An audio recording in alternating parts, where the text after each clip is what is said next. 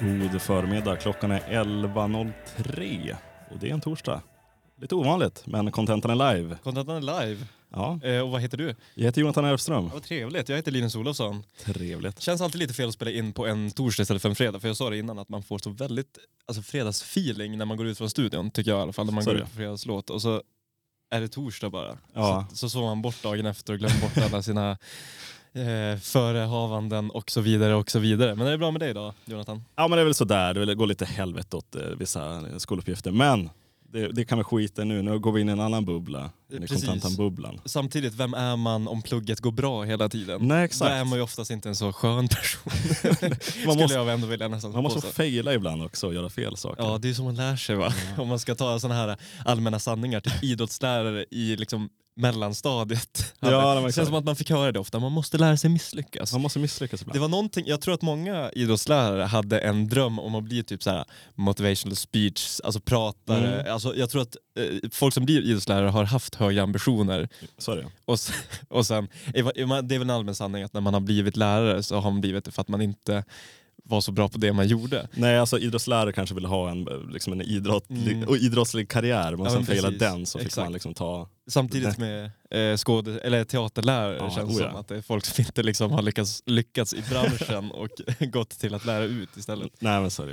Eh, Men eh, vi, vi spelar in en dag på en torsdag som sagt för att ska ner till Lund imorgon. ja, representera radion. S- exakt, studentradion i Sverige har lite en, lite årsmöte och lite, lite fest och sådär. Så att det, det blir säkert spännande i alla fall. Mm. Men då får, får programmet ryka tyvärr. Lite schemaändring och så kan vi säga det direkt kanske att nästa vecka kommer vi också sända på torsdag. Ja, Det här ska inte bli en rutin men Nej, det har att göra med, med mitt eh, försök att ta körkort. ja så har jag en risketta som blev ombokad till på fredag. Eh, men det här är ju inte en podd om eh, radiomöten och körkortstagande. Men det kan nästan vara det ibland. Om man vill. Om man vill. Hur skulle du beskriva den här, den här poddens innehåll, Jonathan? Jo, men det handlar väl först och främst om populärkultur. Mm. Men kultur överlag som sagt. Det kan handla om musik, eller film, eller böcker eller kulturella fenomen eller vad, Mm. vad man än vill. Jag skulle vilja, vi- alltså vi utgick ju när vi grundade den här att det var populärkultur. Jag skulle Mm. säga att det har skjutits mer och mer till kultur, alltså överlag. Ja, det, Det är många saker jag skulle säga s- som vi tar upp, kanske speciellt som jag tar upp, som Mm. inte tillhör våran populär kultur. Så att Opopulär jag, kultur. jag tycker att man kan nämna att vi, vi pratar mycket om populärkultur. Ja. Vi pratar väldigt mycket om kultur som är, alltså är eh, alltså subkulturer och eh, liksom ja. väldigt inte allmänt kända kulturer. Ja, Vilket det jag tycker också. är en bra grej. Mm. Men eh, det, det, det kanske inte bara är populär kultur om man tar det så. Men vad var det för låt, låt vi hörde nu inledningsvis? Det var en låt som heter Real Love Baby med Fader John Misty. Och eh, en otrolig artist tycker jag faktiskt. Fader John Misty, han Ja. eh, måste ens vara amerikan, eller?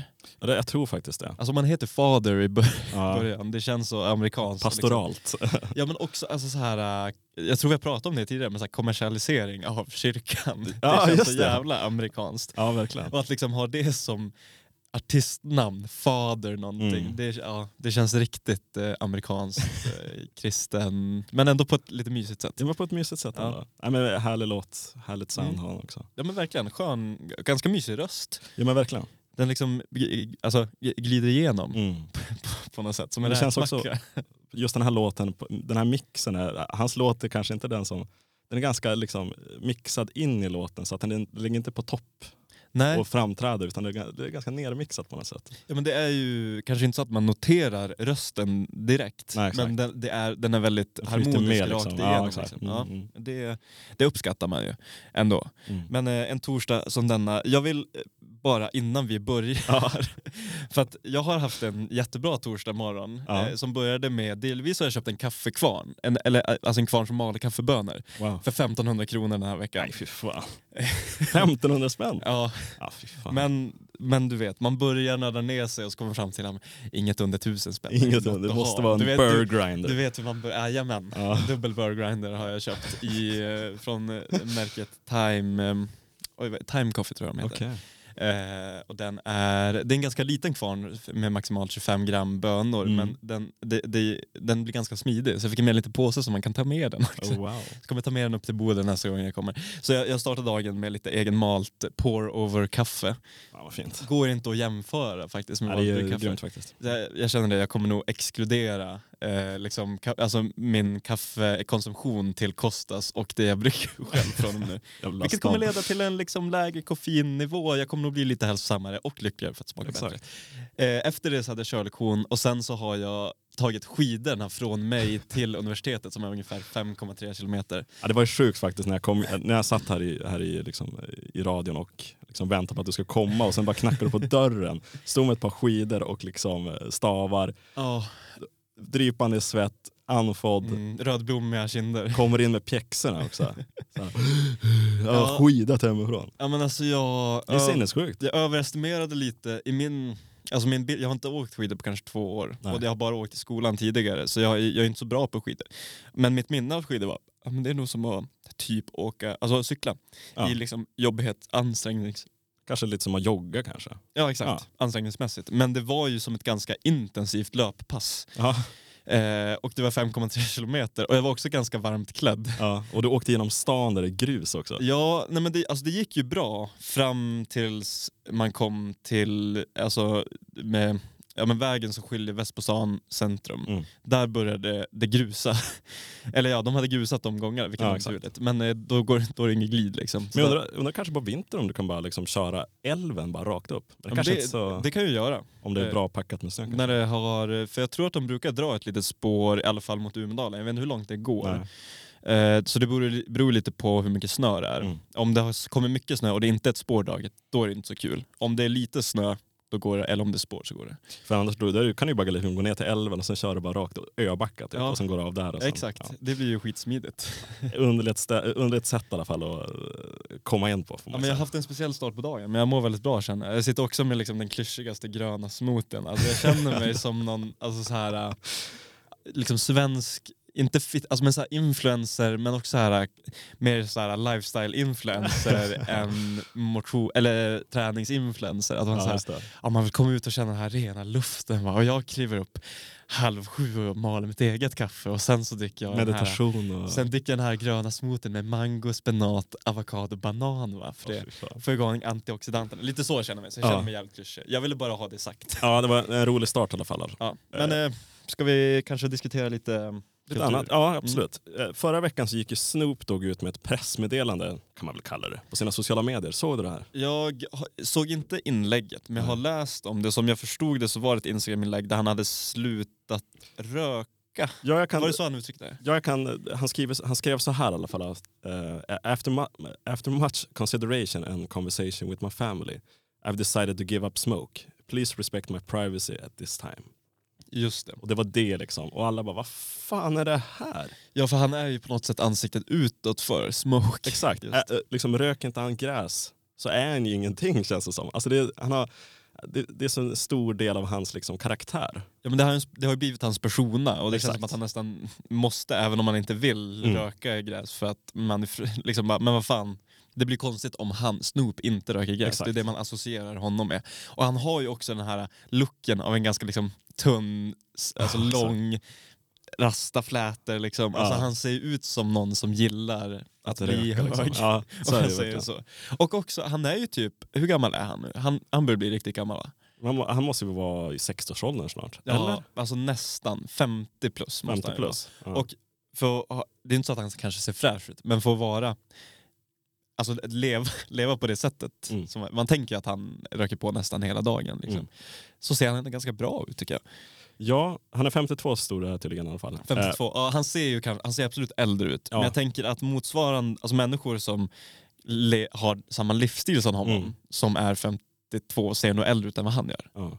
Kanske. Det var lite roligt, jag tror för, för något år sedan kom det ut någon nyhet att liksom Snoop Dogg hade anställt en person bara för att rulla hans typ, joints och grejer. Oj. Liksom, eh, heltidsyrke och bara Ja, rulla det, Snoop Doggs. Liksom. rullare. Ja. Undrar också hur man liksom får det jobbet. Tänker. Ja, exakt, Vad har liksom man för CV man Vad har man för kvalifikationer? Alltså, måste För- man, för att bli Snoops personliga rullare? kanske här arbetstest, att liksom, så här, hur många kan man rulla på typ en Ja. minut eller något sånt där. Ja, Det verkligen. finns några så här, vissa krav man bör ha. Känns också som att han skulle kunna hyra som jag tänker på Mad, Mad Men när de ska hyra sekreterare, att Mm. de liksom går på, de har liksom tre askar beroende på bröstform. Okej. Eh, kommer ihåg en scen är, Ja. och så bara, ja, men hon var snyggast liksom, vi tar Mm. henne. Känns som att Snoop kunde gå, skulle kunna gå samma väg alltså. Att han väljer den som är snyggast. Ja exakt. Men han känns ändå som en hederlig man. Kanske, jag har ingen aning. Han, men han, ja.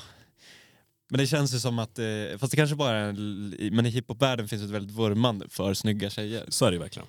Eh, på ett ganska ytligt, Ja. ytligt sätt. Och det känns som att han bara för shits and gigs skulle kunna ha, En Eh, snygg rullare. ja men liksom bara liksom hyr, eh, hyr, man kan inte säga hyra, men anställa en supermodell men se till att de kan rulla. Förstår vad jag menar? Jag förstår. Att han vill ha den liksom, viben kring hela, alla som surroundar honom. Liksom. Men i alla fall i måndag så kom det ut liksom vad, vad exakt det här handlar om. För det, han släppte ju bara det här och sen alla bara vad fan är det som händer? Men i alla fall i måndags kom det ut vad det handlar om. Han har startat ett samarbete och gör reklam för ett företag som heter Solo Stove. Som gör eldstäder, liksom, kan man kalla det, för utomhusbruk. Som inte ger ifrån sig rök. Ja, precis, de är rökfria. Och De därför rökfria. kanske den här formuleringen, för visst skrev han därför har jag slutat med rök, eller vad var det han Ja exakt. skrev? Liksom han, I've decided to give up smoke. Ja Det är inte precis. ett smoking eller Exakt. Någonting annat. Så det är utan det är just smoke. Det blir lite fyndigt. Exakt, lite Att- fyndigt som sagt. Och han, tydligen så, liksom, så har han även skapat liksom en limited vi- edition version av de här solostoven. Okej. Där hans initialer står och det är två hundtassar som finns med eldstaden. Alltså är det SD då? Snoop Dogg? Ja exakt. Och sen är det två, ja, exakt. Och sen hans signatur. Och eh, för 350 dollar så får man den här eh, limited edition solostoven. Ja. Och då får man även med en bucket hat och ett, eh, ett gäng klistermärken så det kanske är värt det. Men det tycker jag inte är orimligt för den typen av produkt. Nej, men Kanske inte vet. någonting jag själv personligen är ute efter, men Nej. om man är det, lite Men skojigt. Lite konstigt om man liksom, ah shit, du har en liten eldstad där ute. Ah, vad fan står det på? Det är, är det Snoop Dogg? Snoops egna. Okej. Ganska, ja, men jag tror jag hade blivit väldigt glad om jag kom hem till någon och de Mm. hade Snoop Doggs eldstad istället för en men vanlig. lite roligt i alla fall. Ja. Men vet, vad tycker du om den här PR-kampanjen? Är den bra gjord eller? Vad? Ehm, den är uppenbarligen bra på det sättet att det är väldigt många, s- den har fått mycket uppmärksamhet och Mm. det man brukar säga är ju att all PR är bra PR Ja. någonstans. Eh, samtidigt, fast ja, jo men jag tror att det är bra. Ja. Vi, jag har ju hört talas om det här innan Exakt. du har hört talas om det Mm. och liksom, vi är ändå ganska långt från det här amerikanska märket. ja, verkligen. Som man är, Alla hört talas om om. man bor i USA och Mm. kanske har en uteplats, Mm. då kan det kännas ganska trevligt att ha en rökfri, eller en, jag vet, ja, men en uteplats är väl där man använder det. Då skulle de nog bli lite intresserade. Så jag, jag, jag tror att det är en jättebra grej för att det når ut så pass brett. Mm. Men det finns något i det i alla fall. Eh, Jag har tagit med mig i alla fall några PR-kampanjer som är ganska dåliga. Ja. Så jag tänkte att vi kan gå igenom som är lite små, små roliga. Ja, men det är ju skojigt. Det slår ju ofta fel. Ja exakt, alltså PR-kampanjer, eh, antingen är de ju, liksom, alltså det kan gå åt helvete. Ja. Det kan verkligen gå åt helvete. Mm. Och eh, en gång när det gick åt helvete, i alla fall det var år 2007, så var det en radiokanal i USA som höll en tävling som hette, som de kallade för Hold your Wii for a Wii.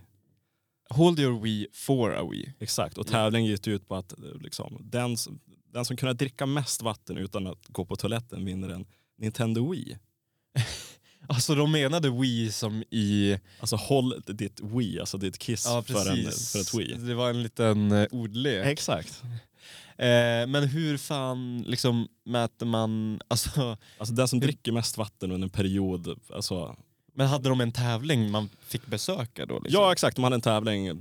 De hade säkert liksom, samlat lite folk som ville vara med i okej. tävlingen. Och sen, Ja. okej, vem kan dricka liksom, mest vatten utan att gå på toa? Och sen den, den vinner det här Nintendo Wii. Men då var det delvis att liksom drick, alltså det var både vattenmängd och tid utan att gå på toa kombinerat på något sätt. Nej, jag tror det var bara vem som kunde dricka mest vatten. Det är väl jätte, är inte det farligt? Jo, och nästa dag så hittades en av de här deltagarna, Jennifer Strange, 28 år, död i sitt hem. Som, hon dog av vattenförgiftning egentligen. Ja det blev ju fel då. Ja, det blev väldigt fel. Kan man säga. Men var det hon som vann viet? Nej, jag tror inte heller att de vann Nej. skiten. Tyvärr. Ja, det dåligt. Dubbel. Fruktansvärt. Där har man ju gjort en tabbe. Ändå bra, alltså kanske gömt av Wii, för jag har aldrig hört talas om det här. Nej Det exakt, ju men det var, inte deras, det var inte deras fel, det var den här radiokanalen som hade det. Så Ja, att- det var inte liksom i Nej, det var inte Nintendo. samarbete med... Nej exakt, Nej, utan de bara, ja, vi, låt, vi, liksom, ja, vi, har, vi har köpt ett Wii. Vad skönt. Ja.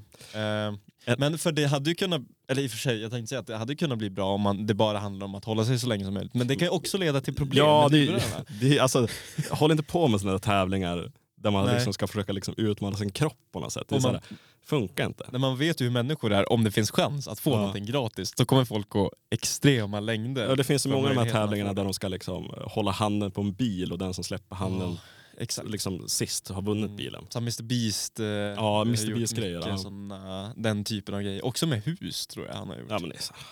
Eh, Han håller på. Eh, I alla fall en annan PR-kampanj som varit ganska uppmärksammad det var 2017 när eh, Pepsi lanserade en reklamfilm tillsammans med Kendall Jenner som liksom ansiktet utåt i de här reklamfilmerna. Och i filmen som ska liksom utspela sig på en demonstration så eh, bjuder Kendall en polis på en burk Pepsi för att Mm. skapa liksom en fred mellan mm, demonstranterna och polis och det blir ju ja, väldigt kritiserat. Det här var ju under eh, tid, de där tidiga Black Lives Matters eh, Mm. eh, åren i alla fall. Ja. Och filmen är även släppt precis på dagen 49 år efter att medborgs, eh, medborgarrättshjälten Martin Luther King mördades. Mm. Eh, och ja, Pepsi blev väl kritiserad för att liksom försöka kapitalisera på eh, BLM-rörelsens protestmatch mot polisens övervåld mot svarta. Det här minns man ju så tydligt också, Ja. för att det var ju en så jävla stor förenkling av problemet. För Ja. Det var som att, oj kolla vad jobbigt de har det där borta på gatan. Exakt. Och så kommer en snygg tjej med en Pepsi och sen så skakar alla hand och är vänner. Då är alla vänner. Det, Det, det blev ju väldigt problematiskt. blev det. Eh. Alltså, men det är så här, alltså, hade det varit så pinsamt också att när, det blir ju pinsamt när företag ska försöka liksom ing- ingå i någon slags, vad ska man säga, Oj då. Ursäkta mig. Ska jag stänga av ljudet? Ja. Oprofessionellt. Men det blir, det blir liksom fult när företag ska försöka komma in i någon slags aktivism. Det blir ju verkligen, aktivism handlar ju om liksom människors liksom, känslor och människors liksom, liv på något sätt. Och att då ska företag komma in och försöka bli en del av det där, det blir väldigt pinsamt. Också när det är Kendall Jenner, för att liksom, Vad fan har hon med vad saken har att hon med det att göra? Nej, Hur- exakt. Är hon, en, alltså hon är inte aktiv, man hade förstått mer om det var en representant för en rörelse Ja, som ja, jobbar med det här. Det hade ju kunnat bli okej. Mm. Men när det är, jag menar hon har ju ingenting med problematiken att Nej. göra. Så det är så här, här kommer en jätteprivilegierad tjej Ja. och ska vara liksom... Ansikte, hon liksom går från liksom, Ja. här demonstrationståget eller vad fan det nu är och går över till polisens sida och liksom bjuder på en Pepsi. Och liksom, nu är det fred, nu, nu har jag skapat den här freden tillsammans med Pepsi. Liksom. Mm. Freden, samarbetet med Pepsi. Ja. nej alltså konstigt. Väldigt konstigt. Ja. Jag tänkte en sista i alla fall som blev lite små, konstig och rolig i alla fall. Det var eh, 2014 när U2 i samarbete med Apple gav bort bandets nya, sen- det, nya album Song of Innocence gratis till, eh, via iTunes egentligen. Ja. Och eh, det här var något som Tim Cook och Bono eh, kallar för världens största skiv, skivsläpp någonsin. Mm. Vad som hände då egentligen var att U2 släppte den här, den här skivan tillsammans med, med Apple och Mm. skivan, alla som har iTunes eller någon slags iPod eller vad fan som helst fick det här albumet gratis. Okej. Problemet var ju dock att eh, man, det var inte så att man liksom behövde ladda ner eller någonting utan man fick det bara gratis. Så, så fort man kopplade in sin iPod till exempel eller sin iPhone till iTunes för att liksom, då laddas det där direkt över. Så man har per automatik så har man det i Det sin albumet. hårddisk? Liksom. Ja exakt. Eh, Okej. Och det, det här blev problematiskt för att det tog för mycket plats, eller? Nej? Nej, det var ju folk vill, vill inte ha det i sin skivsamling. det, är så här, Ah, vad fan? så. Och det, det gick inte att ta bort heller. Alltså det var omöjligt att ta bort. Jaha, nej det blir ju väldigt konstigt. Och Apple var liksom till slut tvungna att liksom släppa ett verktyg som gjorde det liksom möjligt att ta bort det här albumet permanent från sitt iTunes-konto. Ja. För folk säger bara, oh, shit, jag, vill, jag har liksom mina, mina album som jag spelar efter och så kommer det här jävla skitalbum som jag inte vill höra på. ja, det är ju jättedumt för att det hade varit en skitbra grej om det var så här... Vi släpper ja, men- det här gratis, ni får ladda ner om ni vill. Exakt, exakt. För det, då är hade det är inte så ovanligt. alla som tycker om YouTube kommer vara skitglada. Ja. Men det kommer inte vara ett problem för någon annan. Nej, men det här blir ju förmodligen att man tar ännu längre avstånd från Ja. YouTube. Man får ett st- större hat om man, verkligen, om man inte verkligen tycker om albumet. Nej. För att det kommer upp liksom automatiskt Ja exakt.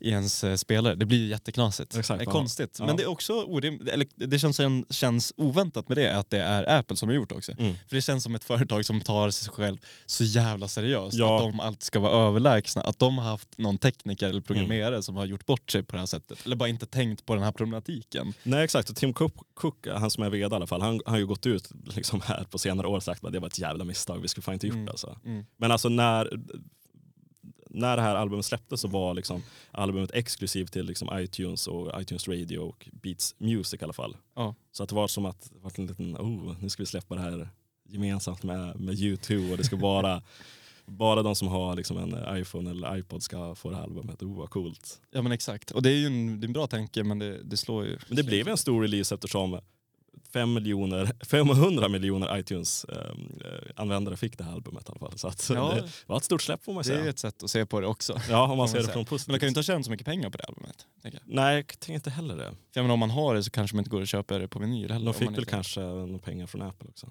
Ja, men en klumpsumma. Ja. Ja, YouTube när- har nog med pengar. i och för sig. Det är Ja. sant. När var det här förresten sa du? Eh, 2014. Ja just det. Mm. Ja, det känns som att iTunes var stort då. Det känns som att det är få som använder iTunes. nu. Ja, nu heter väl Apple Music nu för tiden också. ja det kanske är Så så. att jag tror man rebrandar om det och gjort en, vad ska man säga, en streamingtjänst av det istället. Ja. Så att, ja. Spännande det där. Men, eh, ja, men jag tycker liksom det är, bra att det, eller, det är väl bra att det finns variation i streamingbranschen men Spotify har ju sånt enormt övertag. ja, exakt. Svårt att konkurrera det, det, så- men alltså jag tror fan Spotify har lite problem. Jag, jag har läst lite om dem, att de har lite problem att liksom, vad fan ska de göra nu? Ju Mm. mer Apple Music börjar ju liksom ta fler och fler användare, så är det ju. Det är så? Mm. Ja, de, de Okej. blir ju större och större. Mm. Och de har ju tidigare försökt att, Spotify har tidigare försökt att satsa på podcast. Mm. De satsar verkligen hårt Ja, på podcast. Mm. De tjänar inte så mycket pengar på podcast, det är väl det som är problemet. Och nu, har okej. de, liksom, nu ska de försöka börja satsa på um, ljudböcker istället. Mm. Så att man ska kunna lyssna på ljudböcker. Så att vi får se vad som händer med Spotify. Det, vissa av de här företagen känns ju too big to fail som man brukar säga. Ja, Och Spotify känns ju lite too big to fail. som ett sånt företag. Men hur, vad är det som alltså, attraherar folk till Apple Music? Du kanske inte är jätteinsatt i den frågan men jag tycker det är intressant för jag har aldrig liksom, förstått grejen med det. Nej, jag har inte heller riktigt förstått grejen med det. Jag vet inte, jag tror jag kollade på pris, priset igår och det är ungefär samma pris också. Eh, jag vet inte om det är användar Ja, upplevelsen. Men de måste eller- ha gjort någonting uppenbarligen med den här eh, kanske övergången till Apple Mm. Music från iTunes. Att det, har, att det är kanske bra på något någorlunda lyckad påverkan på Apple-användare. Jag tycker det största problemet för Spotify på senaste är att, eller de senaste åren tycker jag, det är att man man lyssnar på samma musik om och om igen känns Så det är som. Och det är svårt att liksom, Spotify av självklara anledningar vill de ju att man ska liksom lyssna på samma musik. De vet Mm. vad man själv gillar. Och att Ja. det, det kan vara väldigt svårt att hitta nya saker ibland. Ja, det är ju de här funktionerna, typ eh, Discover Weekly. Ja. Den gör ju vissa baserat på vad du lyssnar på. Bara, Ja, "Ja, exakt. Då borde du tycka om det här. Mm. Men det blir ju väldigt ofta samma artister och samma, Samma- genrer. Ja, exakt, samma låtar dyker upp om och om igen Ja. i alla spellistor man får. Och allt Så är det verkligen. Och det är så, när man, jag, för jag tycker om att gå på radio på en Mm. artist. Ja, och då bara, men då blir det också så här, om du lyssnar mycket på, om, om jag går på Johnny Cash radio, ja, Mm. du ly- lyssnar mycket på Bob Dylan, då får jag Bob Dylan-låtar Ja, jag lyssnar exakt. på annars. Ja. Och det, det kan jag känna så här, ja men det, det är, alltså, jag kan uppskatta för att tycka om Bob Dylan, men Mm. om jag kanske går på en artist radio, då vill jag ju höra som att jag lyssnar på radio. Då är det oftast låtar jag kanske inte hade Nej, valt exakt. själv. Nej, exakt. Men det blir ju svårt att anpassa det också. Ja, så är det ju. Jag Ja. tror det är en svår balansgång mellan att man vill att folk ska lyssna på det de faktiskt gillar och Mm. samtidigt utmana dem med nya saker. Det Mm. måste vara en svår balansgång och liksom, hur ska man tuna Mm. upp det? Men jag känner att man borde själv bli bättre på det där. Att Ja. kanske sök, mer aktivt söka ny musik och typ kanske gå på Youtube-kanaler som diskuterar vissa Mm. genrer. För det finns det ju gott om. Ja, jag tidigare var jag en sån person som lyssnade mycket på ny musik men så här Mm. på senaste året, alltså, jag börjar bli dåligare och dåligare på det. Tyvärr. jag, har, jag har också blivit sämre på det och jag, Mm. jag har tänkt att jag ska bli bättre på kanske utforska. Gå in i en genre och utforska så Mm. mycket jag kan och hitta nya Mm. artister och, och, och så i den genren. Men det, det är ja, spännande det där. Väldigt svårt i alla fall. Mm. Jag tänkte eftersom vi har snackat om Snoop Dogg så klart att vi måste köra lite Snoop Dogg. Snoop Dogg. Jag tycker vi ska köra en låt som heter Gin and Juice.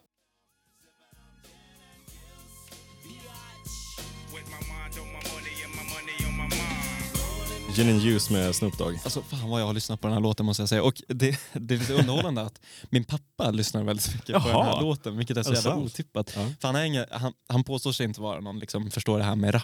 Nej, nej, nej, nej, han tycker såklart. att det är rytmiskt, men han tycker att just Snoop Dogg Mm. och typ det här brittiska bandet, eh, eller hiphop-duon Rizzle Kicks. Känner du till Alla har hört talas om det. Rizzle Kicks. Ja. Vad fan är det? Det är två av hans stora hiphop-influenser, för han tycker att de har ett väldigt bra flow. Ah, det är flowet som gäller alltså. Ja, ja men typ såhär Gangsters Paradise kan han slå på Ja, också ja, ibland för att det är liksom den. Så den här kan gå ganska varmt Ja. hemma, vilket är, ja, det är lite underhållande på ett sätt. Från albumet Doggy Style från 93. Ja, eh, klassiskt albumcover också med det här hunddagiset som det är en liten stjärt som tycker ut. Ja exakt, det är som en hundkoja vad man ska säga. Hund, Mm. eh, hundkojor känns som eh, väldigt amerikanskt på något sätt. Alltså Eh, utomhus Ja, hundhus. vad? verkligen. Som det står Fido på så är det Ja, typ målat ben. De har ju aldrig liksom sett i Sverige. Nej, men jag tror också jag bara sett det liksom, i typ tecknade Ja. serier.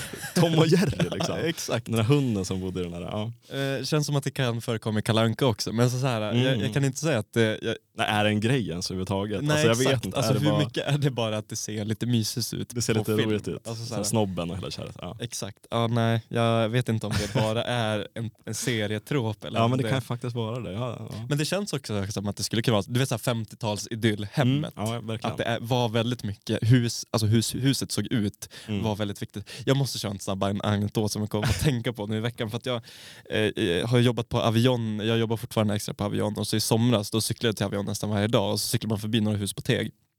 Och så var det ett hus där va, nästan varje dag jag cyklade förbi, då var det gubben i huset stod och höll på i trädgården och såg Ja. till att det skulle vara fint. Han klippte buskarna, han krattade, eh, han, han klippte gräset, han var väldigt pryd och noga och man såg fixat det var liksom, i trädgården, att det var mycket blommor och sådär.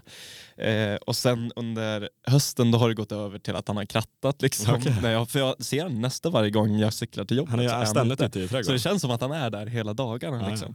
Eh, och så jobbade jag igår när det var eh, citat snökaos eh, i Umeå. Det var, det var inte jättefarligt ska säga, men det var inte så trevligt att vara ut. Det var jäkligt otrevligt väder faktiskt. Det blåste ganska kraftigt och det var blöt snö som kom. Så det var Mm. inte så kul. Och så cyklade jag i det, vilket var Ja, fruktansvärt. ja, det och, så, och det så cyklade jag förbi och så här, kan knappt se någonting. Och då ser jag när jag cyklar förbi det huset, då är det klart att han är ute och skottar. och då snöar det fortfarande jättemycket, så man vet ju om några timmar då kommer det vara en Ja dess exakt, det ändå. är inte så värt. Och det är så jävla kul med den, liksom, man vet det, gamla svenska liksom, pensionärer som är så otroligt, alltså de baserar liksom, de tror att liksom, hela deras omgivningsimpression av dem baseras på hur Ja, deras men trädgård ser verkligen, hur liksom lång är gräsmattan, hur välklippta är buskarna och så vidare. Ja. Exakt, och jag, jag tycker det är något väldigt fint med det och det blir så, det så liksom, komiskt när man ser samma man varje gång man Mm. cyklar förbi hus. Men det kan också vara någon slags eh, flykt från, från hemmet. Han kanske bara inte vill hänga med frugan eller någonting. Men jag tänker när man är pensionär också, Ja. man har mycket fritid om man inte jobbar. Rimligt att spendera alltså, kanske nästan en hel arbetsdag i trädgården varje dag. Ja, så är alltså, faktiskt. om man ska göra någonting Mm. vettigt. Är Någonting måste man göra. kudos till honom. Men eh, det, det är inte det jag vill ta upp nu, utan jag, jag läste en Aftonbladet-artikel här i veckan eh, skriven av en konstvetare som heter Eh, någonting heter hon. Eh, delvis så har TT skrivit en artikel lite snabbt om eh, en tavla som heter Batavernas ed. Mhm. Eh, Lisa Gra- Gradini skrev lite om bakgrunden, så jag tänker att jag kan börja så att ni är med lite mer i sammanhanget till den här tavlan som hänger på Nationalmuseum i Stockholm. Ja. Eh, det är en tavla som Rembrandt har målat på 1600-talet, eh, Mm. början av 1600-talet. Eh, som på sen 1700-talet köptes av en svensk eh, affärsman. Eh, så den har funnits i Sverige sedan 1700-talet. Eh, och sen någon gång på eh, 1800-talet så eh, har Konstakademin fått tag på den här eh, Rembrandt-tavlan. Eh, och sen 2018 så har, eller den har hängt på Nationalmuseum ett tag, men 2018 så höjde Konstakademin hyran väldigt mycket för att den skulle få hänga där Okej, till ja, 400 just 000 per år. Eh, så det har blivit väldigt mycket pengar sedan dess för Nationalmuseum eh, att betala för att den ska hänga där. Och nu är det inte rimligt, de har liksom inte ekonomin för att den ska fortsätta hänga där. Nej exakt. Ehm, och då har det blivit tal om att den ska flyttas till ett museum i Amsterdam istället. Okej. Och i och med att Rembrandt är från Nederländerna så Makes tycker sense. vissa Ja. att det är logiskt. Samtidigt så menar eller ja, jag tycker vi kan läsa, Ulrika Stare skrev en debattartikel om det här, för det var lite hetsig debatt kanske att ta i för att det, konstvärlden är så, så pass liten. Men det har ändå varit debatt om, för, för vissa anser då att den här ehm, tavlan hör hemma i Stockholm för att den har hängt i Stockholm sedan 1700-talet. Mm. Då medför den ju på något sätt ett liksom, svenskt kulturarv menar Mm. vissa. Med, medan många känner också, men Rembrandt är ju från Nederländerna, är det då inte ett ne- nederländskt kulturarv? Mm. Alltså, det har ju varit en stor diskussion med hur mycket eh, konst det finns i Storbritannien Mm. som kommer från för detta kolon- Ja, kolonier. exakt, exakt. som de, det är mycket som de fortfarande har kvar som inte har någonting med med Storbritannien att göra Nej, utan bara har att göra med deras gamla kolonier att göra. Eh, och då har man ju... Ja, jag, jag vet inte riktigt vad jag tycker. Eh, det det, det eh, som eh, Ulrika Stare menar det är att både Konstakademin och Nationalmuseum Mm. blöder ekonomiskt. Alltså Mm. de båda har problem. Och det är därför eh, Konstakademin har tagit, ökat hyran så mycket. Mm. Eh, men då kan inte Nationalmuseum betala. Så man skulle kunna göra en lösning att man sänker hyran. Mm. För då får i alla fall no, eh, Konstakademin in någonting istället för det. att tavlan hamnar någon annanstans. Ja. Eh, och så kan eh, blir liksom Nationalmuseums ekonomi, ekonomi lite bättre. Mm. Eh, Men de måste höja hyran av en anledning. Alltså, behöver de få in pengar så måste de höja den. ja, Jag menar, då, då kanske det är bättre att skeppa den över till Nederländerna för då får man faktiskt något ekonomisk rullning i den här föreningen eller vad fan man ska kalla det. ja men så är det ju, så är det ju verkligen. Eh, och eh, Ulrika Stare menar att men varför ska vi ens bli arga över det här i, i Sverige? För att det är inte Mm. vår tavla. Nej. Alltså rent krasst så har det ingenting med Sverige att göra. Nej, nej, verkligen inte. Ehm, om vissa menar att det, kanske vi inte borde sänka hyran för att eh, enligt Peter Benson måste den vara värd en miljard. Vilket är otroligt mycket pengar. Det är det. det, är det. Eh, så det är ju lite av en spännande debatt. Och eh, när den här tavlan, om man tar nu, kan, nu är problemet med, med radio att man inte kan vi- visa ett visuellt Nej, nej. men om man vill eh, se vilken tavla vi pratar om så heter den eh, som sagt Batavernas, ba, Batavernas ed. Mm. Och bataverna är då ett gammalt germanskt folkstam som ganska tidigt gick in i Roma, Roma, Roma in, jag vet inte om romarriket var Rom, jo men det var nog romarriket. Mm. Och planerade liksom en stormning av eh, ytterligare deras, deras land. Och det var eh, typ den nederländska regeringen som när den här eh, målades 1662 som ville liksom ha ett folkminne av förfäderna och det var då bataverna i och med att de var germaner. Eh, så ville man ha de här och det tog eh, lite för lång tid för honom att färdigställa den. Det tog nästan tio år innan han blev klar med den Okej. här tavlan. Eh, och då blev de jättesura på honom och de tyckte inte den var så bra heller för att eh, jag vet inte hur insatt du är i konst. Nej, inte speciellt. Eh, Rembrandt kanske du känner till? Jag känner absolut till. Ja, absolut. Eh, och det som är unikt för honom är att han är väldigt bra på ljus och spenderar, han får liksom en ganska grov textur i ansikten för han har en väldigt tjock färg. Mm. Eh, men i Batavernas ed, det ser nästan ut, jag kan visa dig i alla fall så du får Mm. en uppfattning. Men det ser lite ut som skuggfigurer. Ja, det är väldigt liksom, eh, vad ska man säga, mjukt och dovt på något sätt. Ja, och det är väldigt eh, eh, udda för att vara Rembrandt. Mm. De kanske bara sa, fan, det var inte här vi förväntade oss Rembrandt. Nej, precis. Ja, men det var exakt den reaktionen han fick. Så han fick ju inte så mycket betalt för den som, som var planen. Och sen så såg han också sönder den. För den, den ursprungstavlan var 5,5 gånger 5 gånger 5 meter, liksom en kvadrat.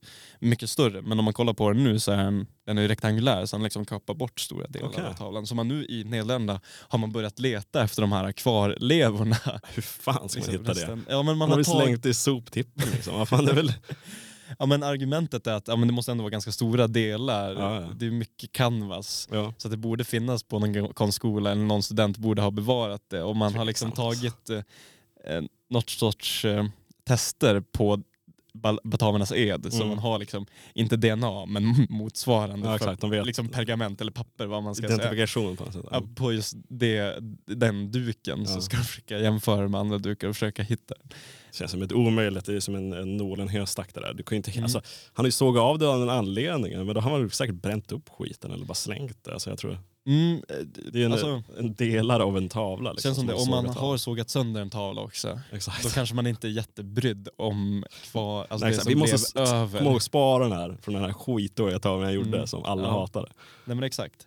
Ehm, och det är liksom den här huvud, den här stora, jag vet inte vad man ska säga, krigaren man ska vara, han som är stor och sitter vid bordet har jättemycket fokus för de andra blir väldigt små och taniga. Mm. Liksom. Ehm, och eh, under den här perioden så var Rembrandt, han eh, hade nyligt, eh, nyligen blivit av med hela sin familj, han hade skilts från sin fru och fick inte träffa sina barn. Han började bli gammal och jag tror, jag tror det här var hans sista tavla. Off- alltså kända, officiella tavla. Liksom. Mm. Ehm, och ekonomiskt så hade han det väldigt, väldigt tufft. Så man kan nästan se hans desperation i tavlan. Mm. Därför har han blivit ganska meningsfull på något sätt rent historiemässigt. Och jag tycker det är kul med, med eh, äldre tavlor som har varit med om, varit med om väldigt mycket. Oftast Mm. liksom så här konstvärdemässigt så blir tavlor mycket mer värdefulla när de har en rik historia, att den Mm. har varit på många platser. Eh, vilket fick mig att tänka på den kändaste tavlan i hela världen som Ja, då är verkligen. Mona Lisa. Mm. Eh, för, för det man har hört om den är att ja, men den har blivit stulen och, och, och att det är därav den är så känd. Och jag började läsa lite mer om Mona Lisa och jag, jag tänkte göra en lista med flera tavlor som man skulle kunna ta upp som en rik historia. Men det, jag kände att det var så pass mycket som man kunde säga om Mona Lisa att jag tänker att vi nöjer oss med bara Mona Lisa. För det var väldigt mycket som fascinerade mig när jag eh, började läsa en, om den här. Eh, men jag utgår från att de flesta känner till, har, jag sett, har sett bilden. Eh, liksom.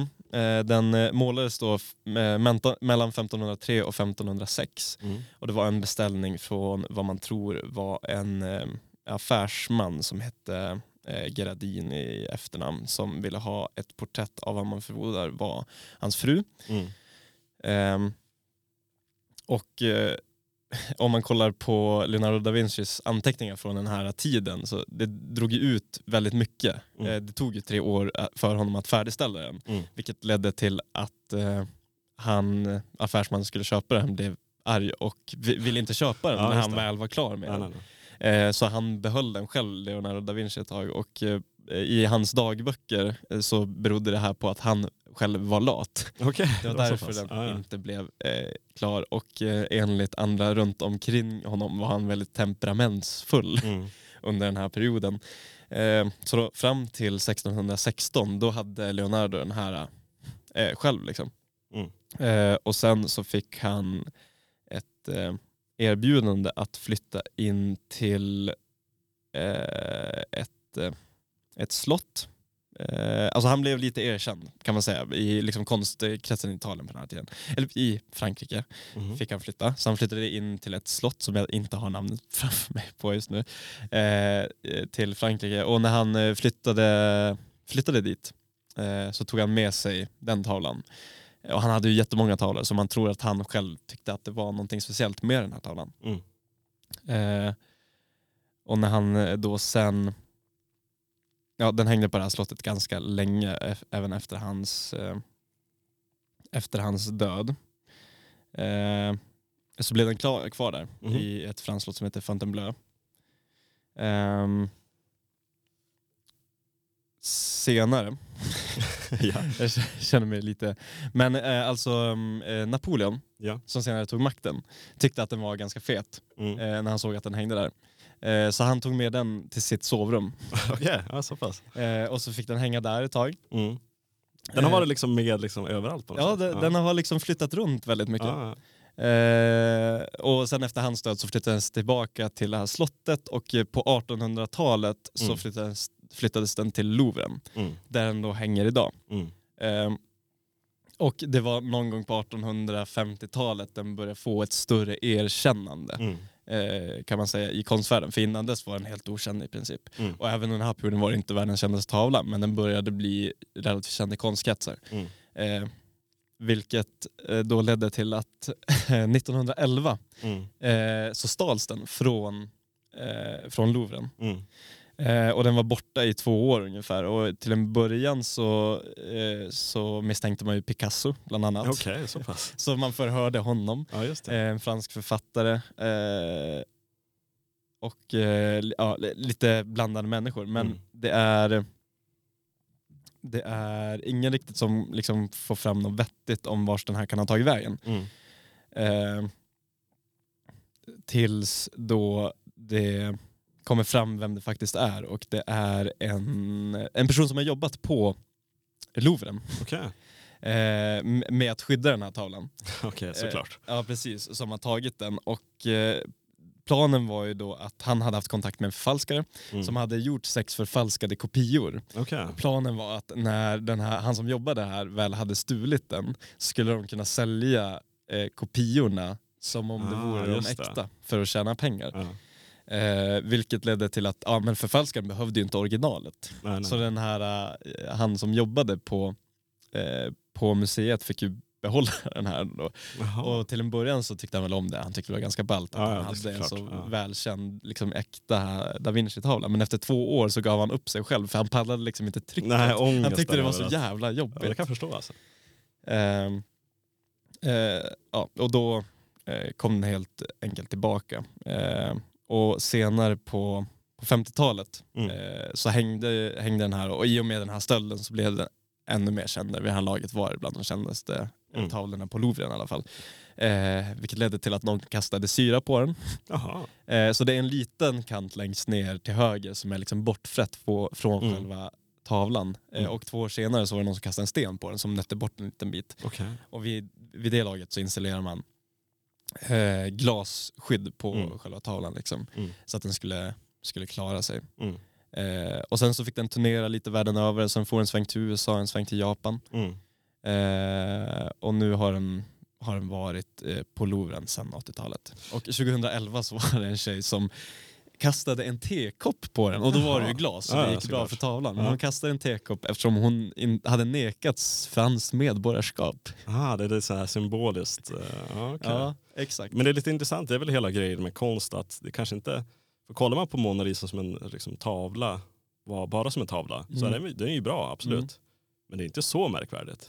Nej. Det är ju bara ett porträtt av någon och den är väldigt bra målad, Mm, absolut. mm. Men det är väl det som är med, alltså, med konst, är väl att det är historierna bakom och liksom eh, allt, allt det andra Ja. som det är det som spelar roll. Ja, men så det hade, verkligen. inte, liksom, hade, hade Leonardo da Vinci bara målat den här tavlan och sen hade han sålt den till den här äh, affärsmannen. Om han hade gjort klart den en tid, då hade den Exakt. förmodligen inte varit känd överhuvudtaget. Exakt, Då hade då- nog ingen vetat vem det var förutom Leonardo da Vinci-älskare. Nej exakt, då hade den bara hängt liksom. Alltså, det, eftersom de har hängt på liksom något franskt eh, slott och det är Napoleon som har tagit över den och den har blivit Mm. stulen. Det är det som gör den känd på något sätt.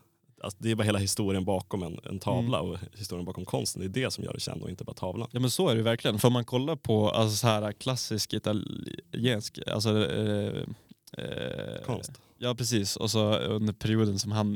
Mm. Eh, eh, Renässans. renässansen, tack så mycket. Eh, så var det ju, alltså så här, vissa tekniker har han, han har till exempel ehm, om man säger fokuset, eller detaljrikheten, Mm. är fokuserad på henne och eh, lite mer avlägsen i bakgrunden. Mm. Vilket var ovanligt för den tiden. Mm. Eh, och hon är porträtterad så att hon kollar rakt fram. Det är väldigt ovanligt under den här perioden. Och eh, snittet i tavlan, för det man ser ner till hennes midja nästan. Mm. Och det är väldigt ovanligt. Antingen Okej. är det bysten eller så är det helkropps under den här perioden. Mm. Mm. Så det är mycket som särskiljer den. Vilket kanske var anledningen till att da Vinci själv Uppskatt, liksom. ja, uppskattade den lite mer och att det var just den han tog med när han flyttade till Frankrike. Mm. Eh, så rent, den var väl lite unik för sin tid, men om man kollar på tavlor som är stora nu så är det ju liksom ett platt porträtt blir sällan erkänt Nej så är det verkligen. på det sättet som Mona Lisa har Nej. blivit för att det säger ju inte riktigt någonting. Nej, det kanske var nyskapande då, liksom, väldigt intressant och sådär. Men alltså, det finns ju många som har gjort jävligt mäktiga tavlor. Ja, och det, jag men alltså här, även om den är, särskiljer sig från det som var mainstream då, är det Mm. inte som att det var det sjukaste man hade sett. Nej, för det är fortfarande ett porträtt av en tjej. Exakt, Alltså, han har bara liksom ändrat lite formfaktor och lite allt det där. Ja. Ja men exakt. Så det är ju verkligen det tavlan är med om på något sätt som, som gör att den blir annorlunda i folks ögon. exakt. Vilket eh, också visar så här, ja, men vad flummigt konst är egentligen. För det har, ju, Mm. ja, ja, det har ju ingenting att göra med, alltså det som blir uppmärksammat har ingenting att göra med kvalitet. Nej, Så det blir ganska tråkigt att kolla på tavlor bara för att de är stora eller kä- välkända, eller välkända konstnärer. Nej men så kan det vara också. Nej, men det är väl det hela pro pro problematiken, men det är väl det som många har problem med just modern konst till exempel. Att det kan vara Mm. ganska, liksom, vad fan är det här för någonting? Mm, Men alltså det är väl exakt. kanske mer budskapet bakom eller Exakt. historien om den eller vad fan som helst. Det är väl det som gör den. Eller det här klassiska, det där skulle jag också kunna göra. Exakt. När man kollar på Tim Jackson Pollack, och bara, ja men det är klart att jag skulle kunna göra det. Men det är väl faktum att han gjorde det som gör att det blir ganska ballt. Ja exakt, exakt. Eh, så ja, men det är kul. Och sen är man ju alltid i det här läget, för, för när man kollar på tavlor nu så produceras ju allt möjligt. Och då blir man så här, ja men vad, vad är liksom vår tids konstgenre? Mm. Liksom, vad är den stora? Och nu, nu är det lite av allt möjligt. Så liksom, Mm. Vilken väg kommer konsten ta i fortsättningen? Mm. För liksom, vi har ju gått igenom den moderna eran vad ska säga, Mm. med abstraktionismen. Liksom. Mm. Och den har man utforskat ganska utförligt. Så liksom, hur ska man kunna utveckla, liksom, det, om, man, om man tänker det målade mediet, Mm. Vilken väg ska det gå? För det, det känns som att man har liksom ändå valt de flesta former. Fast där, så där kan man säga hela tiden. Så där, sa man väl, så, så där sa man väl på Ja. 1800-talet också säkert. Allt har redan gjorts. Exakt. Det går inte att göra något. Men därför är det ändå lite spännande att se vars, vad, vad, liksom vad som händer. Det är väl problemet att man lever, när man lever i en era så är det svårt att definiera den. Alltså, ja, det är väl efter eran är över då man kan faktiskt uh, särskilja vad som var unikt med Mm. den tiden. Men jag tror också att det, målar, det som målas blir lite mindre för att det finns fler tekniska möjligheter att göra Mm. saker digitalt och liksom mm, andra konstformer som gör Mm. att den blir lite marginaliserad. Ja men exakt. Men eh, det om det, om det så att säga. Ja. Har du sett eh, Da Vinci-koden eller? Ja, jag tror faktiskt inte det, men jag började se på den för eh, några månader sedan, men jag såg aldrig klart den. gjorde inte Nej, det? Jag, gjorde inte det. jag tycker att den är helt otrolig. Ja, jag älskar ju Tom Hanks. Ja det gör man ju. Det gör jag ju.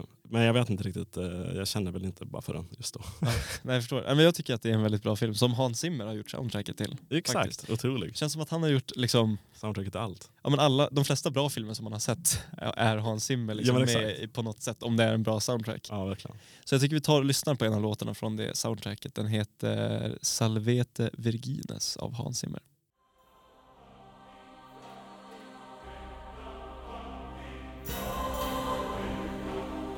Salvete Virginis, Hans Zimmer i P2. ja. Lite, lite helig. ja, men det var, var ju verkligen så andaktsfull eh, musik i alla fall, får man säga. Ja, eh, den... Men det är väl hela grejen med Da Vinci-koden är väl att det ska vara någon slags, det är väl någon brödraskap, något, något kyrkligt brödraskap Mm. som ligger bakom. Om jag, förstår, om jag kommer ihåg rätt. Jag har Jajamän. inte sett hela det, filmen. Jo men det är, det är eh, en sån här, nu kommer jag inte ihåg vad de kallar sig, men Nej. han har en sån här, eh, du vet när man spänner fast en grej runt benet med små spikar in mot låret Ja, för att man ska exakt. känna Kristi lidelse. Ja ah, just det, så fan är det. Eh, Han är väl albin också? ja det är. Ja. Exakt. eh, Ja. Men de, eh, liksom, eh, det är en bra pacing att springa runt i konstvärlden Ja, i. Frankrike. Ja. Alltså man blir så här, åh, det är och sen så är det mystiskt med massa liksom, eh, liksom något konstigt kyrkligt. eh, Mm. Exakt, och allting är, vad är ska liksom kopplat till flera hundra år tillbaka. Ja. Det blir så mycket histor hos historiska händelser. Det, jag blir så glad av sådana filmer. Ja men det är, på något sätt är det härligt. Och sen är ju, visst är det han som spelar Gandalf tror jag är med? Eh, Jag har inte sett filmen som sagt, jag har ingen nej, aning. Precis. Jag vet Men- att, att eh, som sagt Tom Hanks är med Ja, eh, och en fransk skådespelare som är, spelar huvudrollen i filmen Amelie är med också. Vet jag. jag har inte, är det Amelie från... Montmartre, exakt. ja, Ja. precis. Jag har inte, den har inte jag sett. Ja, det är fan min favoritfilm faktiskt. Är det? Ja, den är, jag tycker den är otrolig. Oj, då måste jag kolla på den. Det känns fan basic svar. ja, nej men det är en bra film. Väldigt bra film i alla fall. Ja, jag, Säkert. Ja. Eh, något annat? Jag tänkte, har du sett på de här Wallace and Gromit-filmerna någon gång? Det är självklart. det är Alltså, liksom en av är- barn, barndomen på något sätt. Det är bland de största nostalgimomenten för mig, för vi har ju Mm. kvar dem på DVD hemma. Och det har hänt att jag kollat tillbaka dem. Men det är Mm. nog några år sedan nu senast jag Men man gillar den för de är ju som sagt de är mysiga på något sätt och man gillar den här animationen som de har. I, Ja med leran, det Ja, är helt exakt. otroligt. Och, eh, alltså, men det är mycket med storytellingen för mig Mm. i de, de filmerna. För Mm. att det är ju, typ när de åker till månen mm. och den är gjord av ost. Exakt. Och liksom scenen när de öppnar, för då har han liksom, de håller på att bygga sin egen rymdraket och sen så Mm. öppnar de upp taket. Mm. Och den scenen, ja. alltså visuellt och ljudmässigt, Ja. det är liksom det är Wow. helt otroligt hur bra gjort det är. Lite roligt är det med osten för att, eh, vad ska man säga, vem är det? Är det Wallace som är mannen? Visst är det så? Eh, eh, Ja det ja måste men det måste det vara. Eh, Han är ju, älskar ju ost i alla fall. Det är ju som ett, eh, en, en, Ja men hela skafferiet är ju i princip bara kex. och ost. Ja, liksom. ja. Men då, han käkar ofta den här eh, osten som heter Wensleydale. Just det. Och Han liksom pratar, pratar om den i alla fall. Och tydligen var det så att Wensleydale är någon slags mejeri någonstans i England. Mm. Oklart vart. Men de hade lite ekonomiska problem och liksom var nästan tvungna att lägga ner där ett tag. Okej. Men på grund av Wallace Gromit-filmen så klarar de sig På och riktigt? finns fortfarande och liksom lever och frodas. Men gud vad fint. Ja, men exakt.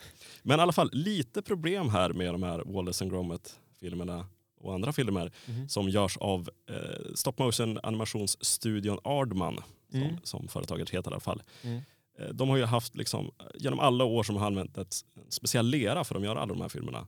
Det, det är ju en väldigt speciell look. Alltså man ser ju direkt när det är den, eh, alltså samma som i Wallace Gromit. Exakt. För typ, den, de har gjort den, Chicken Run. exakt, den här hönsfilmen. Ja. Man känner igen, alltså bara visuellt, Ja, man, fattar att det är samma liksom. Problemet är att de här leran håller på att ta slut. Nej, vad säger du? Exakt. Men vadå, vad är det för lera? Kommer det, från, det måste komma från en jättespeciell, spe, specifik plats? Ja i alla fall, det finns ett, det, eller fanns, de har väl lagt ner nu tyvärr, som heter, ett företag som heter New Clay Product som har gjort liksom en speciell liksom, animationslera som kallas för eh, Lewis, eh, heter den?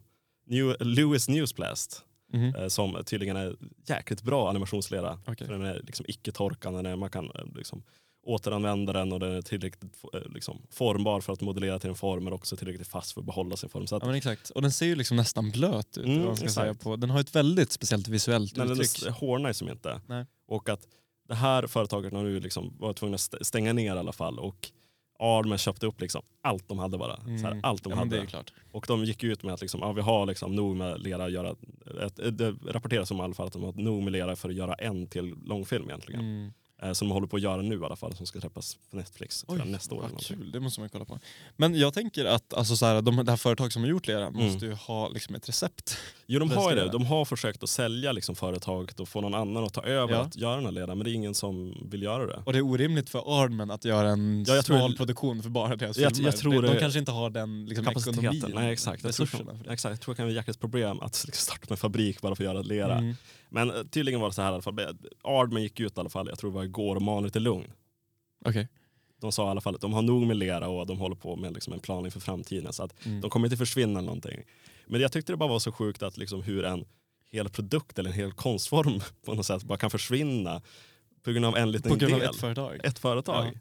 Men det, det är ju spännande att det, är, att det bara är ett företag som gör den leran. Men det, det man tänker sig att de kommer väl kanske efter den här äh, långfilmen då kanske Ja. byta lera. Jag har exakt hittat någon ny som är likvärdig. Mm. Det kanske inte kommer vara lika bra eller som de vill men de måste ju göra någonting Ja, annat. Men det, det, det tråkiga är att det förmodligen kommer bli lite annorlunda i alla fall hur, Ja, i hur det ser ut. Och Man är rädd för det. man har ju så starka liksom, nostalgiska känslor Mm. relaterat till alltså, de här Wallace och Ja. Gromit-filmerna ändå på något sätt.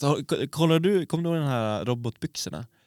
Ja exakt, verkligen. Ja, oh, ja. Den oh, är ja. också, alltså jag kommer ihåg att det var, alltså, för så, vi såg dem från att jag var ganska liten, jag Mm. tyckte de var ganska läskiga. Ja, kan, För vara de, så. de började gå självmant Ja, utan att Ja. han var, kunde styra över vad det var som hände. Och jag bara, men gud vad jobbigt, vad kommer hända nu? Det känns ju jättefarligt liksom. Ja. Men det är intressant det med, liksom, som, som jag sa, att liksom, de använder, har använt just den här produkten. Den slutar göras, Mm. vad fan ska vi göra? Det är ungefär Ja. som liksom, en konstnär som bara använder en viss sorts olje, liksom, Ja. oljefärg Exakt. och den försvinner och så bara, Ja, nu kan jag inte nu, använda kan, nu kan inte jag göra min konst. Ja, men det, så där är det med vissa medium också som man liksom blandar ut oljefärger med. För Mm. jag har ett jättebra medium. Mm. Men jag vet, jag känner bara till, nu är det inte så att det kommer försvinna, men jag har bara hittat det i en liten affär i Boden och jag vet inte om de har kvar den Men är det det att produkten. man blandar ut färgen med någonting annat eller? Ja, det är en typ av olja. Mm. Alltså det, ehm, linolja är det mest klassiska, som Mm. det är ganska stort. Men det här är en olja som kallas stand oil. Okej. Eh, som jag inte riktigt vet exakt vad det innebär. Men det är ett litet tyskt företag som producerar det. Och, ja, alltså det är så här, I värsta fall så kommer vi behöva beställa det direkt från dem och det Ja. kommer vara lite dyrare. Men det är, eller ja, det kommer vara dyr frakt.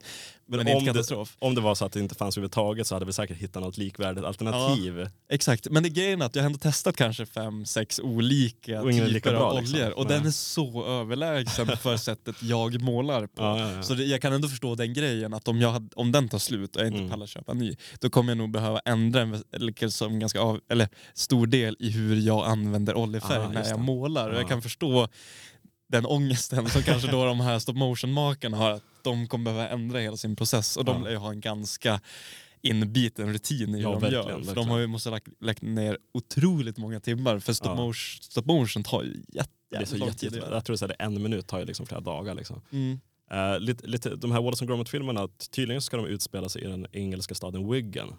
Ja. Vilket är en stad som ligger mellan Manchester och Liverpool i norra England. Och bland annat i Wigan så finns det något som kallas för Wigan kebab. Okej. Och det har egentligen inget med kebab att göra, men jag tror man kallar det för det. Man tar egentligen fralla, delar den på två, sen smörar man brödet Och sen i mitten lägger man en sån klassisk liten engelsk köttpaj som fyllning. och sen locket på och sen käkar man det som en macka. Alltså, det, är en, det är alltså en hel paj som är Exakt. fylld. Men liksom pajen är liksom ändå i samma storlek som frallan. Men det är en sån klassisk paj som man Jag kan förstår. köpa på en fotbollsmatch. jag till förstår, exempel. jag förstår grejen. Det, Men det är liksom höjden av liksom snuskighet på något sätt. också att det heter kebab. Wigan kebab, exakt. Ja. Men Men, det, det, låter ganska gott. men det är lite som det här vi snackade tidigare om, bulle, bulle med bulle. Det här skånska, att man lägger en, en, kanel, eller man lägger en chokladboll i en fralla.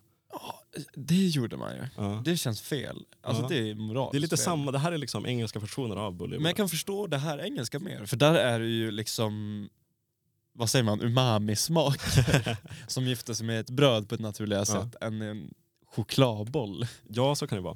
Nej, men det känns också så liksom så här, okej vi har bröd, sen har vi paj. Alltså det är liksom Mm. pajskalet. Det är och väldigt fyllningen. mycket Det kalorier och väldigt. fett. Liksom. Det känns är liksom bara- bra för en, arbets, liksom, en arbetsdag. Men det känns som en riktig stadig lunch och jag tror att det hade varit jävligt gott. Jag tror fan det är gott också. Alltså för en lite sliskig köttfärspaj, Mm. eller alltså, alltså, det, det ska ju inte bort liksom. Och när vi väl pratar om norra England och liksom, om vi går vidare på norra England i alla fall. Mm. I, under, under en tid i alla fall, slutet av 60 och början på 70-talet så uppstod det någon slags musik och dansrörelse som kallas för Northern Soul. Mm. Eh, där liksom, man började spela liksom, amerikansk soulmusik på dansklubbar och nattklubbar i norra England och speciellt i städer som Manchester, Wigan och Blackpool. All right. Eh, det blev som en hel kultur egentligen som fortfarande finns till en viss del. Mhm. Där man, eh, man spelar den här soulmusiken, man har ett speciellt sätt att dansa på, Mm. man klär sig på ett visst sätt. Tror det liksom är en, en vidare utveckling från mod-kulturen. Mm, det, säga. man tagit den seglängden. Det är spännande när de tar en så liksom ingrodd amerikansk kultur i exakt. Det låter lite spännande. Och liksom, de här DJerna som var kända för att liksom, de upptäcka de här spelar, de här de spelar ofta de här lite mer sällsynta, obskyra liksom, soulskivorna. De tog inte liksom, mm. toppskivorna utan Nej. tog lite mer mindre artister. Och liksom. Det vart en unik liksom, subkultur kring det hela. Fan vad kul ändå. Och liksom de, ja, som sagt, de dansade på ett visst sätt och de hade vissa kläder och sådär. Det är lite småkul på något Men sätt. det, det är skojigt när en sån subkultur ändå blir något av en folkrörelse Mm. i, en region. Att man Mm. verkligen blir riktigt... Det blir lite mer mainstream. Ja, men det är också det när man, vi pratade för, för några veckor sedan om det här Umix, att eh, jugoslavisk mexikansk musik. Mm. Eh, att man tar liksom två kulturer till en. Mm. Och det här blir ju samma sak, att man tar den amerikanska till stor del en svart kultur på något sätt. Mm. Eh, med soulmusiken och tar över den till norra England Mm. och, och, och skapar en ny kultur där tillsammans. Det är ju som globalisering när det är som bäst. Ja, nej, exakt. Jag tänkte bara för att avsluta så kanske vi kör en liten Northern Souls eh, klassiker. Det måste vi nästan göra för jag blir lite sugen på att höra Ja, exakt. hur det låter. Och det här är en, eh, en låt som heter The Night med Frankie Valli and the Four Seasons.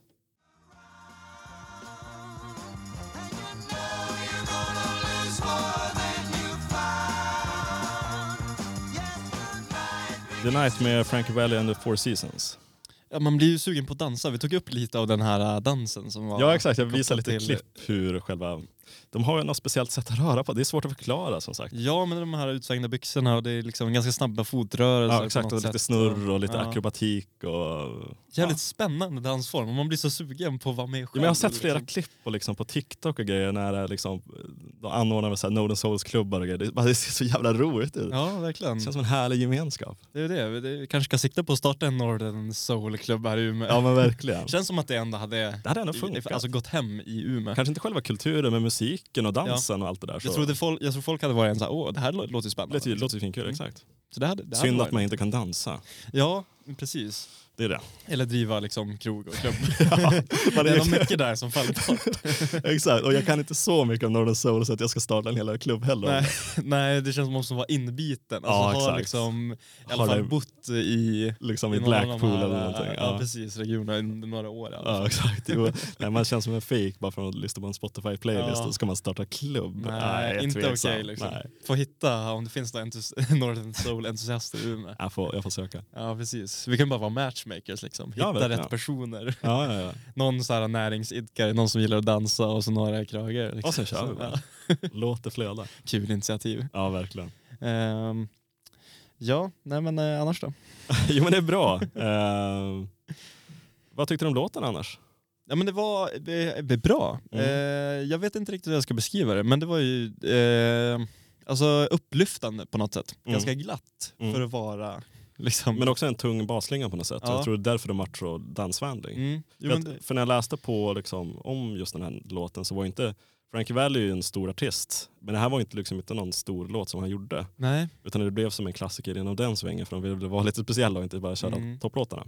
Nej, men, eh, nej men verkligen, för Frankie Valli har man ändå koll på. Det här Ja, är ingenting jag är bekant med. Jag. Nej, inte, alltså jag har inte lyssnat jättemycket på honom heller. Men sen var de lyssnar mycket på vad ska man säga, den här svarta soulen. Det här är ju en, en vit man som sjunger Ja. så att det Ja, blir men inte samma sak. Men jag tycker det är en otrolig låt faktiskt, jävligt härlig. Charmigt. Mm. Eh, men eh, nu, jag har ju eh, nästan, eh, eller så här, jag åkte ju skidor hit. Du gjorde, åkte ju skidor hit. Ja precis, och vars, eh, liksom, det finns en, en svensk skidtradition som tror jag har ganska mycket att göra med typ militären, friluftsliv, Mm. eventuellt en del av liksom, jakttradition.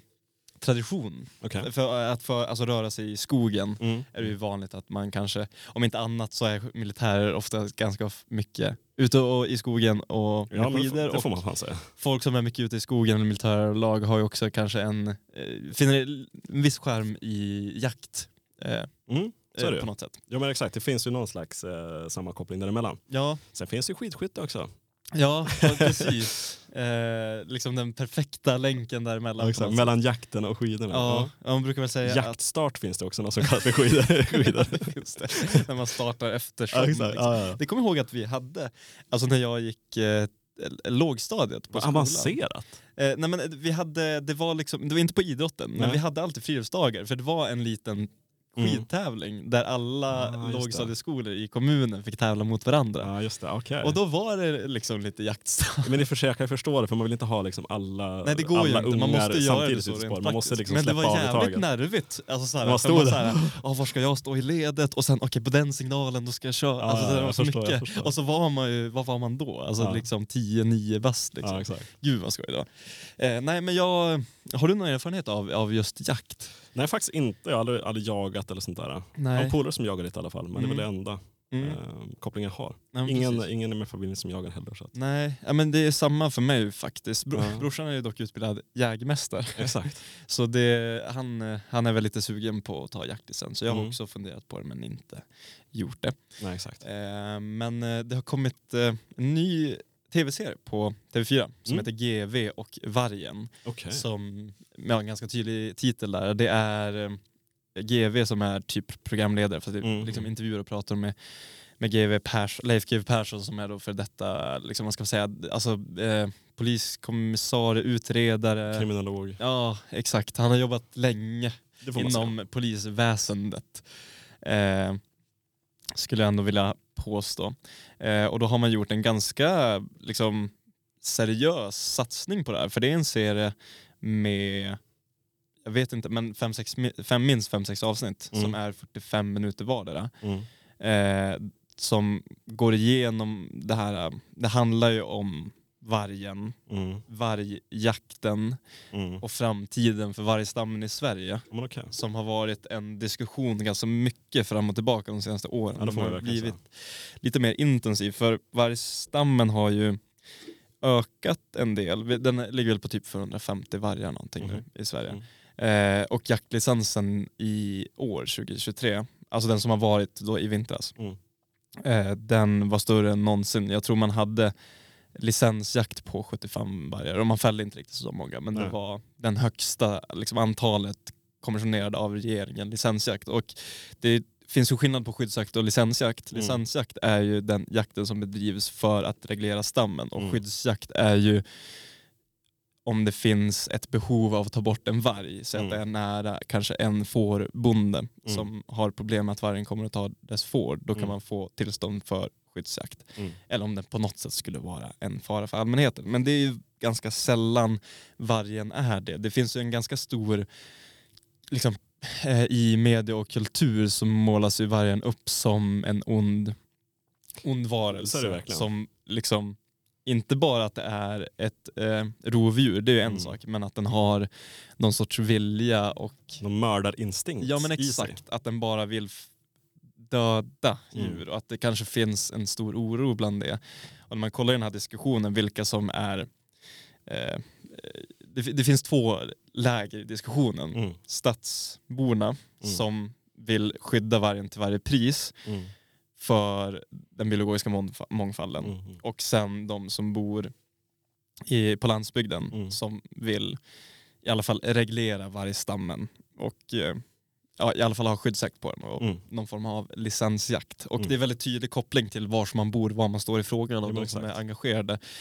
Vilket är naturligt, för om du bor i en stad Mm. kanske du inte har någon erfarenhet av jakt överhuvudtaget Nej, och det verkligen. kanske känns fel att eh, jaga djur överhuvudtaget. Mm. finns det ju många som tycker. Eh, naturligt då att man kanske inte uppskattar Nej. jakten. Men, och samtidigt om man bor ute på vischan. Man vill liksom försvara sin eh, gård på något sätt. Ja, Sina djur och... ja men, speciellt om man har djur så Ja. kan jag förstå, förstå det. Och samtidigt så har vi, vi har, om man kollar så här på 1800-talet, i början Mm. av 1800-talet, då hade vi 10 000 vargar i Sverige. Mm. Sen hände det en grej mellan 1820 och 21. Eh, då, kom, då dök det upp en varg som har kommit att kallas Hysingevargen Åh i. Mellansverige. Ja.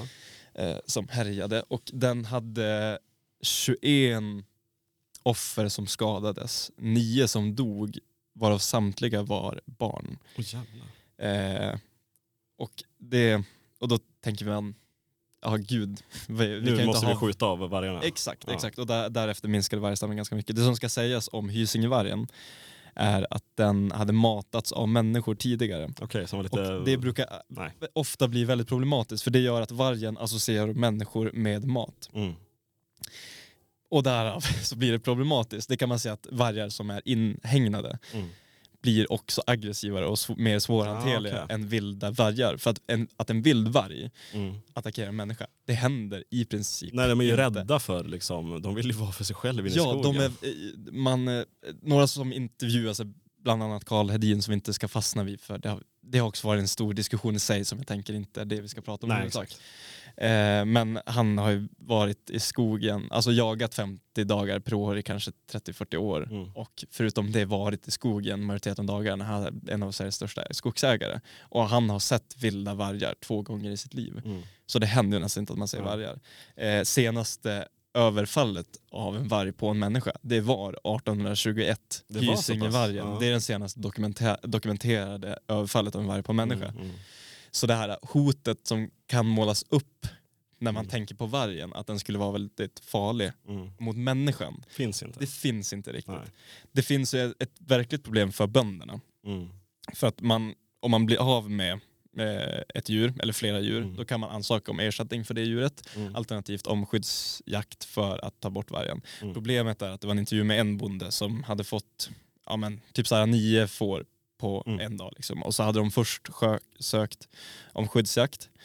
Eh, och det hade vi- blivit nekat först. Och all, all, det tar ganska många veckor att få igenom. Så under den här perioden så gick det bara mer och mer vargar. Mm. Och sen så hade han sökt om det igen och då hade det gått igenom. Men då hade han ingen, eh, ingen fårstam kvar. Mm. Då hade alla varit borta och då hade han ju som ingenting han kunde göra. Då fick han ju lägga ner sin fårfarm. Ja. Men jag tänkte det här programmet, du, alltså, är det ett intervjuprogram? Hur, hur ser det ut? Hur funkar, hur ser programmet ut? Eh, det är Är det sitta-och intervjuer eller är Ja, han det, ute på av fält? intervjuer, eller? det sitter av intervjuer med utgångspunkt från Leif GW. Det är väldigt Mm. mycket baserat på hans erfarenhet som jägare och som person överhuvudtaget. Man märker att de har, det, det är någon i produktionen som tänkt Leif GW fungerar jävligt bra på tv, Mm. vilket han gör. Han kanske inte är den största jaktexperten, men det är som hans hans ingång i det, alltså hans utgångspunkt. Okej, men Mm. var, var står du i frågan? Mm. vilka olika aspekter finns det med, med varje fråga? Vilka är bra att prata med? Och sen så går man till experter inom olika områden. Okej. Eh, så man möter eh, förespråkare för både, För och... eh, precis, eller kanske motsidan. inte för vargjakt men för licensierad Exakt. vargjakt. Att man kanske förhåll, alltså försöker ha ett för, bra förhållande till vargstammen. Mm, Eh, mm. och så intervjuar man dem som, det finns en, eh, en grupp som eh, är baserad i Stockholm tror jag, som har en nollvision på jakt överhuvudtaget, Mm. som kanske är det extrema på andra sidan. Mm. Eh, och sen då bland annat Karl Hedin som har varit i den här vargrättegången som har Mm. fått stor, stort utrymme i media så att säga. Men det är ett studieprogram där de sitter ner och pratar om just den här frågan. Exakt. Men det är exakt. intressant just att, att, att man gör ett helt program om bara en fråga. Ja, ja, Det är det, som är intressant. Det, jag tycker det är det som är så kul, för man har gjort det så seriöst. Att Mm. man kan göra flera 45 minuters avsnitt om en sån fråga. Då har Exakt. man verkligen tagit det seriöst. Och det tycker jag är kul för att det, alltså skogsfrågor eller friluftsfrågor, Mm. lantbruksfrågor, de brukar inte få särskilt stort utrymme, varken i politiken eller i Nej. liksom, kultur och populärkultur. Ja, exakt. Eh, så jag tycker det är en jätterolig satsning och jag tycker att om man är överhuvudtaget intresserad av frågan Mm. eller överhuvudtaget friluftsintresserad så tycker jag att det kan vara värt att se för man så får en så mycket bättre förståelse för kanske skogssituationen överhuvudtaget och Mm. vilka, vilka olika förutsättningar folk som bor nära skogen kan ha. Ja, det är som sagt det är intressant som sagt att man gör program om, ett, om bara en fråga. Mm. Och det är ju Mm. en fråga som har varit i media mycket Mm. den sena, Ja. de senaste åren i alla fall. Och det är ju en svår fråga att ställ, ta ställning till. Um, Det är det verkligen. liksom, det blir ju konstigt när stadsbor som inte har något med saken att göra egentligen ska ta, st ta st ställning till en fråga som andra personer blir påverkade av. på Ja, men väl, man gör väl också det på något sätt för att visa att det finns folk som tycker så här. Man Ja. måste respektera att folk tycker så här. Mm. Och när vi pratar med experter Mm. så menar de på det här och det här. Så man Mm. får ändå en, ganska, en väldigt... Ja, men det är bra att vara lite fördjupande Mm. i just en fråga Ja, som är är, väldigt svår att ta till sig. mm. Och Leif GW har vi pratat om tidigare men han, han gör sig väldigt bra på tv. Ja, han gör det. Han, han funkar ju väldigt bra. Och man kanske så här, ja men jag har hört om vargjakt men jag vet inte vad grejen är. Mm. Då tycker jag man ändå kanske sätter sig ner och kanske ser första avsnittet i alla fall. Ja men exakt. Men jag tänkte Eh. just Leif GW, alltså, han är ju väldigt slapp på tv. Mm. Alltså, han, är ju väldigt, Mm. han pratar ju långsamt, han Mm. känns ju lite, lite äldre nu också. Ja. Men jag, liksom, jag vet inte vart jag hörde någonstans att det, liksom, att det finns någon slags teori om att han han är inte så egentligen utan han måste liksom gå in i den här rollen när han är slö och Ja, liksom okej, pratar på okej. ett visst sätt. Att liksom, när han väl är utanför studion så är han inte riktigt så.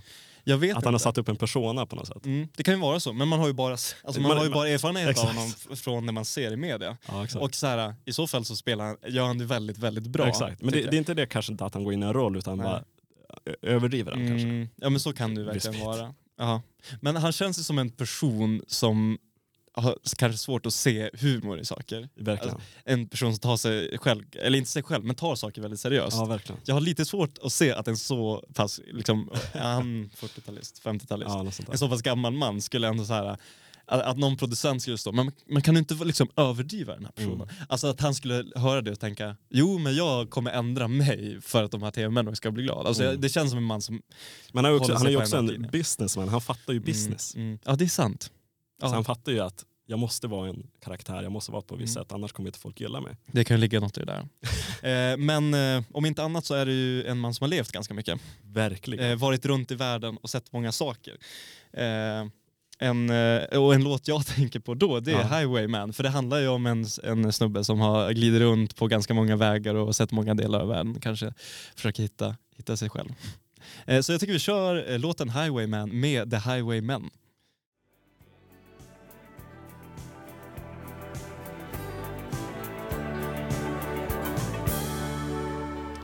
Highway med, Highwayman med The Highwaymen. Precis, och vi sa det. Det är en jävla line på det bandet. Det är svårslaget. Ja exakt, Willie Nelson, Johnny Cash, Waylon Jennings. Chris Christopherson. Alltså, och att, vi, vi snack, satt och snackade lite om låten här under, under en spelare så att, att det, liksom, det är en man som, vad ska man säga, först är en, vad ska man säga, the- highwayman och sen Mm. går han vidare till att bli seglare och sen är han dambuilder och till slut är han väl någon slags Astronaut. astronaut Ja. och flyger ett, och att liksom eh, det är inte kanske samma man men att han liksom Ja. han dör och Mm. återuppföds till en annan version Ja men exakt. Ja, min tanke har alltid varit att det är någon som bara driver runt och Ja, inte hittar sig själv. Men samtidigt så här, ja, det är svårt om man har haft liksom, tre yrkesliv och sen ska bli astronaut.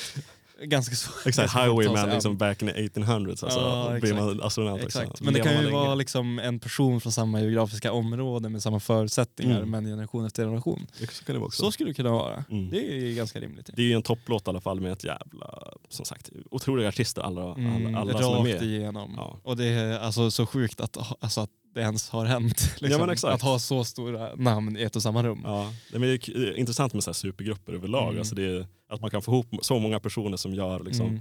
de har ju alla sin eget sound Mm, och liksom, säkert mycket integritet att göra vad de vill. Ja. Och så kommer man ihop tillsammans och gör Verkligen. någonting jävligt bra. Det är häftigt. Och att kunna göra en sån här låt. För det Ja, här är ju ja. bland, alltså, det, det är liksom det bästa av alla som, som deltar liksom i gruppen. Ja men exakt, det är verkligen, alla gör verkligen sitt jobb Ja, så jävla bra som jättebra. helhet. Ja.